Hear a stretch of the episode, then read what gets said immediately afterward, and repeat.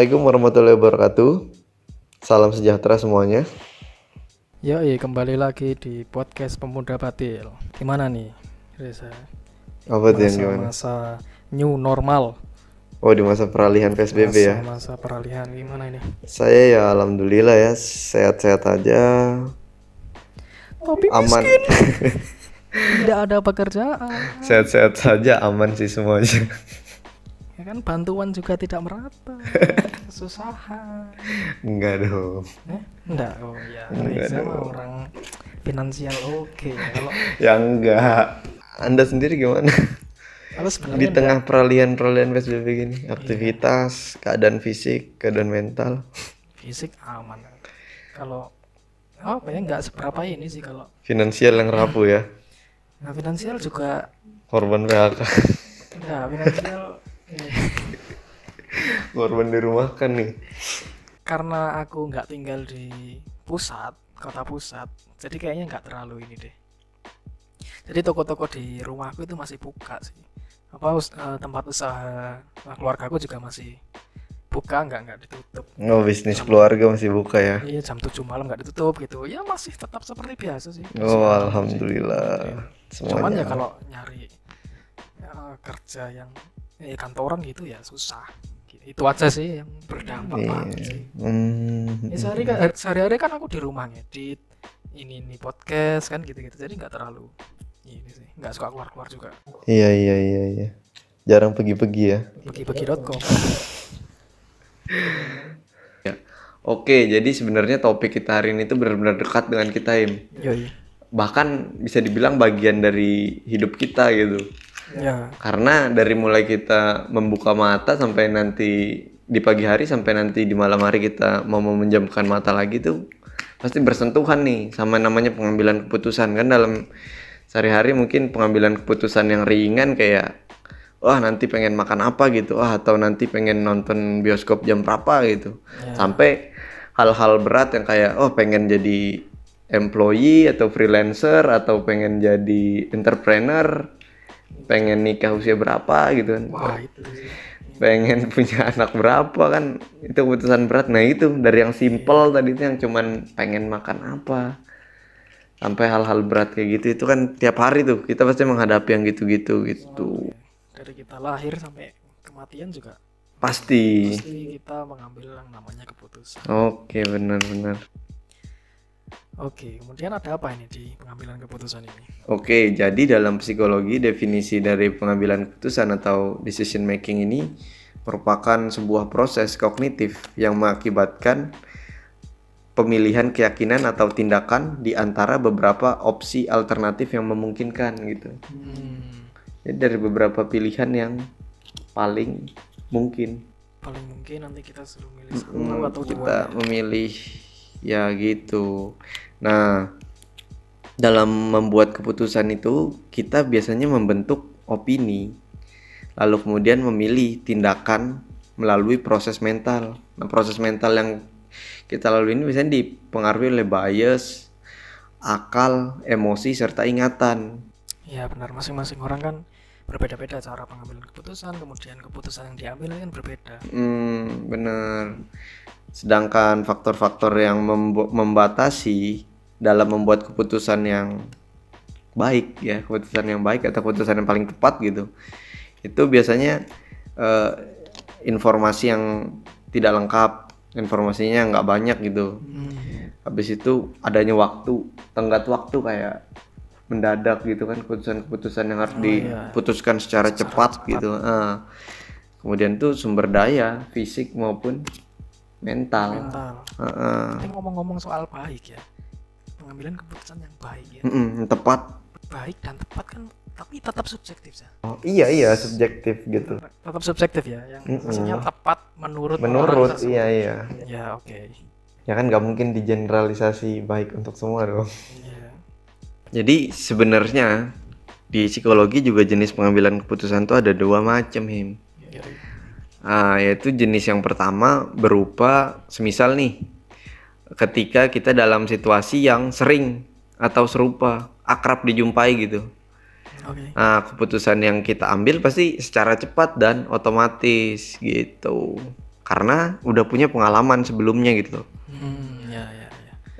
Yang kedua, sebaliknya, misal kita menghadapi situasi yang belum pernah Baru ya. kita hadapi baru atau belum pernah kita jumpai sebelumnya. Nah, pasti kita akan meluangkan waktu menimbang-nimbang gitu kan. Mana nih banyakan eh, positifnya apa negatifnya gitu-gitu. Terus resikonya apa aja. Eh, dan kemungkinan mengalami pilihan yang kurang tepat di saat seperti itu lebih besar, Besar daripada daripada menghadapi yang pernah. iya bener tuh. Nah, kan Indonesia juga sudah pernah memilih presiden. Tapi kok tetap begitu? Mantap pemerintah. Top. Mantap pemerintah. Saya suka pemerintah. pemerintah kapan pun ya di zaman apa? Iya, pemerintah kawan. Mau sekarang mau dulu. Nggak mungkin yang lebih tepatnya tadi tuh pemerintah Uganda kita maksud ya. Bapak Uganda nonton podcast apa cuy presiden Uganda? Nggak ngerti sih. Nah, biasanya kan kita dalam mengambilan pengambilan keputusan ini melibatkan banyak hal gitu kan. Yup. Pemikiran rasional, faktor-faktor kritis, kemudian itu intuitif atau insting gitu kan. Eh, Kemudian bias pribadi. ya. Nah, itu sering kali tidak kita sadari membuat pengambilan keputusan kita eh, kurang maksimal gitu. Hmm, Nah, namun sebenarnya ada langkah-langkah yang memastikan bahwa kita bisa membuat keputusan secara baik dan rasional gitu kan. Oke. Pertama mungkin ada pengumpulan informasi sebanyak-banyaknya.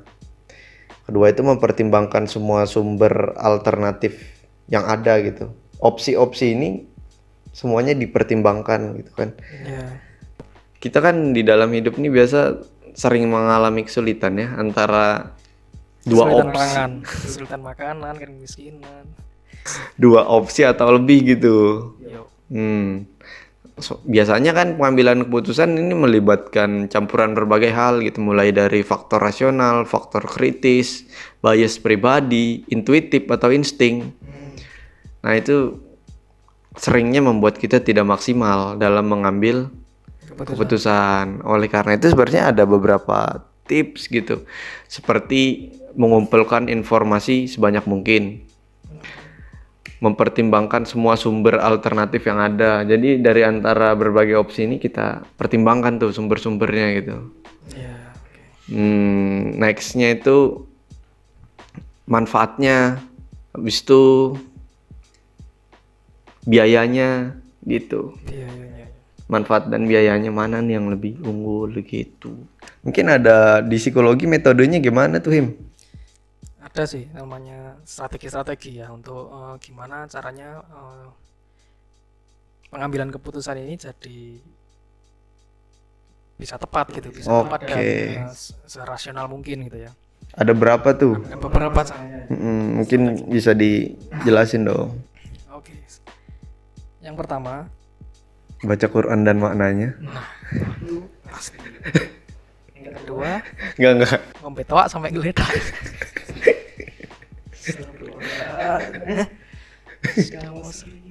Oke oke kita kembali. Kembali ya. Nomor satu. Benar baca Quran. Sat. Gara-gara kok. Oke, oke, oke, oke. Serius, Oke oke serius serius serius. Nomor satu ya, itu ada yang namanya single fitur model. Nah gimana tuh single voter model ini? Single fitur model ini adalah keputusan yang diambil pada satu fitur aja. Jadi kita se- semisal ke Indomaret nih, Indomaret atau Alfamart kan, Mm-mm. kita pengen beli sabun. Kita dari rumah pikirin satu fitur yang paling kita inginkan aja, satu aja. Semisal pokoknya saya aku mau beli sabun murah aja. Ini nggak peduli warnanya, nggak peduli Wanginya. wanginya mereknya apa pokoknya murah itu yang aku ambil Oh jadi misal saya pengen beli handphone nih. Ah. Misalnya punya duit seratus ribu, ya udah. Pokoknya dari seratus ribu itu yang penting cukup gitu, nggak usah ngelihat iya RAM-nya, kameranya, dan lain-lain sebagainya gitu ya. ya, tapi seratus ribu dapat apa apa Yo Asia Hidayah seratus ribu. ya hidayah ya ya itu Gitu. Nah, Tapi itu hanya berlaku untuk simple problem ya. Maksudnya ya yang iya ya, masalah memilih kecil kayak HP, tadi gitu. memilih sabun mau beli sesuatu gitu gitu kalau Ya kan nggak mungkin dong mau memilih pekerjaan atau mau nikah keputusan seperti ini kan. Ya, masa menikah pokoknya kaya wah oh iya kalau itu. Itu termasuk utama tapi kan nggak itu aja gitu kan. Selain itu kan ada lagi. Mm-mm. kedua ada yang namanya additive feature model. Oke, ini untuk em, yang more kompleks problem ya. Maksudnya yang lebih lebih rumit lebih sedikit rumit ya. sedikit aja tapi ya. Jadi kita ambil pertimbangkan semua fitur-fitur penting dari pilihan-pilihan. Mm-mm, mm-mm. eh, yang kita mau eh, yang kita mau. Se eh, semisal kita beli HP aja ya. Beli HP kita pokoknya mau yang kameranya ini yang eh, yang RAM-nya ini. Itu kita pertimbangkan semua kita Mm-mm. list dulu tuh. Seret, ini yang kita inginkan. Kemudian kan ada beberapa pilihan ya HP ini HP ini HP ini HP ini Nah, Mm-mm. masing-masing HP itu dikasih poin Semisal Positif negatifnya gitu. benar ya. hasil apa poin apa HP ini poinnya berapa itu kita terserah kasih nilai aja 1 sampai 10 semisal HP ini Hmm. kameranya cocok nih ini ini ini, ini. kasih poin 10 Iya iya iya iya. tapi iya. Nggak cocok minus berapa gitu jadi kita hitung nah Oh kita coba describe tuh handphone ini positifnya di mananya, Iya, negatifnya di mananya gitu ya. nanti yang paling banyak poinnya Mm-mm. itu yang kita pilih gitu Tapi ini yang sesuai dengan budgetnya kan maksudnya. iya dong sesuai dengan budgetnya kalau nggak usah dengan budget nggak usah problem solving kerja aja udah makan ini buat orang-orang yang ada pilihan ya ini garis bawah ya kalau nggak ada pilihan ya aduh wis, Jangan ya. susah boy Next. kemudian eh, yang ketiga adalah elimination by aspect model Elimination by Elimination aspect by model. Ini Gimana tuh? disusunkan oleh psikolog yang namanya Arnos Sverki Hmm, hmm, hmm, hmm. Arnos. pernah dengar sih, ya. pada tahun 1972. Itu caranya dengan mengevaluasi option, eh, mengevaluasi pilihan-pilihan eh, satu karas- karakteristik dimulai dari fitur yang paling penting dan dibutuhkan. Oke. Kemudian di sebenarnya hampir sama sih kayak yang additive feature model, cuman kita ini lebih ke karakteristik benda yang paling kita inginkan gitu. Oke, oke, oke. terus yang di list semua kan eh, semisal barang ini barang A B C D E di antara barang A B C D E ini mana yang nggak memenuhi kriteria karakteristik yang kita inginkan? Itu dieliminasi. Sehingga nanti muncul satu atau dua eh, yang paling mendekati karakteristik dan nanti dipilih dari dua itu.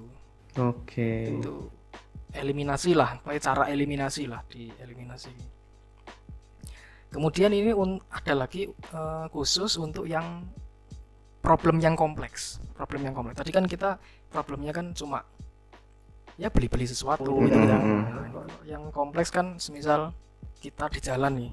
Oke. jalan ini kayaknya ada tilang. Nah itu kan kita harus mikir tuh. Bukan kayak beli barang kan. Mm, mm, mm, mm. nah Anda takut hilang nggak punya SIM apa motor curian ini? ada ya, dua-duanya soalnya contoh aja. Oh contoh, oke. Nah, ini namanya adalah strategi availability heuristic. Heeh. Keputusan yang diambil berdasarkan kejadian yang pernah terjadi sama sih yang tadi sebenarnya. Mm, mm, mm, mm. Yang membedakannya? Yang membedakannya dikatakan oleh saya. Iya, semisal ya, semisal semisal kita eh, berasumsi seberapa sering sih orang ditilang di jalan ini. Kalau sering, maka ambil opsi lain, semisal memutar atau cari jalan lain. Hmm. Mm, mm, mm. seberapa sering kan or kita tahu dong sering nggak ya di sini ada yang tilangan? Nah kan udah udah Bisa menduga-duga gitu. iya. kemudian yang kedua adalah representatif heuristik. Strategi ini di- eh, menggunakan cara membandingkan diri kita dengan orang lain. Semisal kita terlambat ke sekolah. Mm, maka kita agak susah nih ya maka kita representasikan diri kita semisal sebagai wanita yang ngebut naik mobil pergi kerja Oh. aku anak. SMA Mm, tapi aku merepresentasikan diri aku Pembalap lah. aku nih pembalap eh, ngebut Buat sampai ke finish Buat sampai cepet-cepetan. ke finish cepet-cepetan. Nah. Oke. dari dua gambaran itu aku sebagai anak SMA dan pembalap mana sih yang kemungkinan ditilang atau terlambat lebih besar Iya iya iya. Hmm, kita pertimbangkan kemudian mana yang terbaik kita pilih Oke. Jadi Gitu. sebenarnya proses decision making ini bisa dibilang sederhana atau kompleks ya. Maksudnya tergantung situasi terus itu iya. strategi yang kita gunakan Iya. faktornya apa aja berapa banyak waktu yang kita punya untuk memutuskan gitu kan. Itu sih yang apa susah sih kayaknya. Apa apa? Kompleksitas eh, ya dan lain-lainnya gitu kan. Emang rumit sih sebenarnya gitu. Tergantung bagaimana kita tadi menanggapinya gitu paling susah emang kalau terdesak sih. Pernah punya keputusan mendesak gitu? Nah kalau selama ini alhamdulillahnya itu aku tuh orangnya tenang sih. Oh. Kalau ada apa? Jadi dalam situasi rumah kebakaran gitu tetap tenang. Mungkin insya Allah tenang wih keren. Gimana ya? Emang dari dulu sih aku entah tenang atau tidak peduli. Tipis. Beda tipis tipis tipis. Bener bener. Jadi karena tenang aku bisa objektif oh oke. jadi panik itu jarang aku panik itu. Panik itu Mm-mm. jarang banget. Kecuali kalau ke cap nonton blue film gitu kan oh wajar. Saya pernah ke gap nonton porn videos enggak enggak belum pernah ya? Enggak enggak pernah. Oke. Enggak pernah nonton juga. Nah itu poin plus sih kalau kita tenang dalam menghadapi situasi-situasi rumit sekalipun. Maksudnya biasa keputusan yang kita buat itu itu yang udah paling maksimal itu udah yang paling baik gitu loh. iya Tepat gitu. Cuman kalau panikan ya, wah itu repot sih. iya saat contoh aja lah teman-teman kita di anu kuliah dulu kan ada kan yang panikan dengan inisial nanti aku sensor nanti sensor tenang. Nah itu wah panik panik gila pak. Pak wah, gila. tugas kumpul besok panik tugas kumpul seminggu panik. nggak ada yang nggak panik dalam hidupnya itu kayaknya. Mungkin dia lahir tuh udah panik pak. Emang dia di set sebagai orang yang panik mungkin. lucu. Menghibur lah ya. menghibur lah. Hmm, gitu. Jadi memang dalam hidup kan sulit lah maksudnya kita mengambil keputusan yang tepat gitu kan. banget pak. Masing-masing kan juga apa bias juga sih masing-masing itu tepatnya orang tuh belum tentu tepatnya kita gitu Iya, apalagi kalau punya banyak opsi gitu kan pasti nantinya merasa kurang puas gitu kayak aduh harusnya aku ini sih, harusnya aku ini sih gitu, harusnya saya gini tapi gitu. lebih enak seperti itu punya banyak opsi Iya, jelas, itu pasti. Dalam urusan pengambilan keputusannya itu agak ribet. Mungkin ribet, agak nantinya ada penyesalan-penyesalan atau apa lain sebagainya. Ya kalau nggak punya opsi mah susah. Maksudnya cuman iya iya ya bener nggak pernah menyesal tapi tidak pernah merasakan juga semisal kayak orang di medan perang lah. Eh, di medan perang. Orang pengungsi perang gitu. ya Ya kan nggak bisa milih pengen makan apa dong hal-hal simple kayak gitu kan pasti makanannya tergantung dari bantuannya PBB. Ya kan nggak enak juga gitu nggak punya opsi. Cuman ya pasti kerumitan-kerumitan lah ya. Intinya yang tadi itu sih cari informasi sebanyak mungkin, pertimbangkan alternatif yang ada, manfaatnya apa aja tuh, positifnya apa aja, biayanya berapa gitu. Itu sih kayak yang poin-poin yang penting juga. Terus mungkin strateginya yang tadi tuh yang ada dijelasin sama Fahim nah, ada empat ada empat macam strategi gitu kan dalam psikologi. Nah, dan usahakan tenang ya itu susah sih cuma ya usahakan tenang sih. Intinya kan memang dalam kehidupan mengambil keputusan tuh salah satu hal yang rumit lah ya, nggak bisa sembarangan gitu. Yep. Nah, jadi jangan lupa untuk sodako. Ya itu juga, cuman kan mengambil dalam mengambil keputusan misal kita mengumpulkan informasi sebanyak mungkin yang tadi itu lah. Habis itu mempertimbangkan alternatif yang ada mempertimbangkan biaya mempertimbangkan manfaat mempertimbangkan waktu gitu biar eh, output dari decision making yang kita buat tuh semaksimal mungkin gitu. Ini butuh butuh proses juga sih ini nggak bisa langsung sehari Mm-mm. hari jadi kita jadi pintar dalam mengumpulkan informasi bla bla bla tadi kan. Ya emang ya sering berjalan kehidupan lah. Semakin sering kamu ngambil uh, problem solving problem solving dalam hidupmu semakin kamu lancar ya menghadapi. Lancar skillmu semakin terasa di situ. Nah tapi iya. mis semisal nih contohnya kayak oke gitu kamu ngambil keputusanmu sendiri gitu tapi nggak boleh ini nggak boleh itu nggak boleh ini nggak boleh itu. Kan ada tuh yang kayak gitu. Misal orang tua ke anak atau suami ke istri atau istri ke suami gitu-gitu. Pokoknya yang lebih superior ke yang lebih inferior gitu. Nah, itu gimana coba? Iya sih itu sering banget pak. Nah gimana? dalam ya kehidupan kita lah. Ya aku Iya, juga ya, banyak sih di kehidupan. gitu, Iya, iya, bener, tua bener. atau teman bahkan kerja kelompok kan juga gitu biasanya kan. Ada keputusan-keputusan yang sebenarnya ada sih positifnya. Oh. ini apa gimana sih? Apa? Loh loh loh. Gimana? Eh, hal-hal baiknya adalah kalau kita itu memang orang yang uh, pelin pelan atau kurang bisa mengambil keputusan. Mm-mm. bisa bisa diarahkan gitu dibatasi. Mm-mm, mm-mm. kamu ini ya pilih apa salah satu pilihan ini. Tapi kamu nggak boleh sampai ini ini ini ini ini. Jadi kita di jalan yang benar gitu loh. Meskipun nanti kesannya kita kayak ya udah yang itu berarti keputusannya gitu kan. Iya iya iya. Ya ya sebenarnya diarahkan secara halus gitu kan. Nah mungkin itu untuk pembelajaran boleh sih. Masuk ya. Cuman kalau seperti itu terus nanti kita jadi tumpul pak. Nah Ya, itu. orang yang biasanya mengatur kita itu katakanlah nggak ada. Katakanlah kita dalam situasi yang eh, mencekam apa waktunya mepet untuk kita segera mengambil keputusan. Terdesak. Terdesak. Kita nggak biasa mengambil keputusan. Oke. Wah aku mau panik bener dong. Iya iya Iya. Iya kan? Ya kita gimana caranya kita harus memang mengasah sendiri sih mengasah kemampuan decision making ini ya. Ini vital ternyata untuk kehidupan kita gitu. Nah oleh karena itu memang dalam hidup kan cukup sulit ya maksudnya mengambil keputusan ini gitu. Termasuk yang contoh tadi terakhir gitu. Ya, Eh, makanya untuk keputusan yang benar atau tepat itu rumit.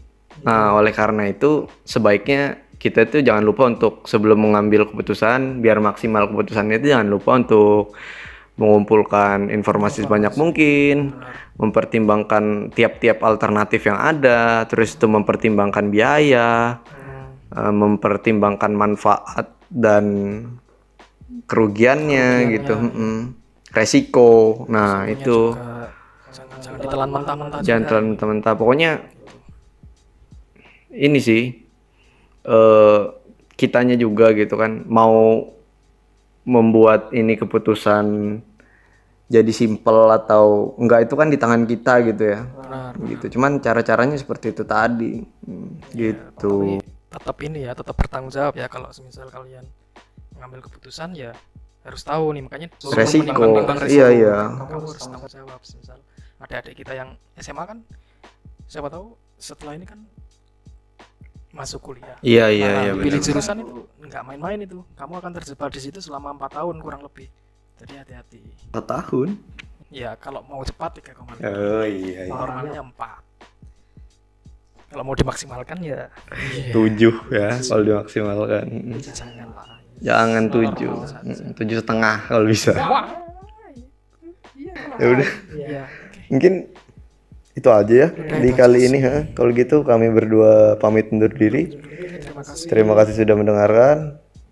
Yap dah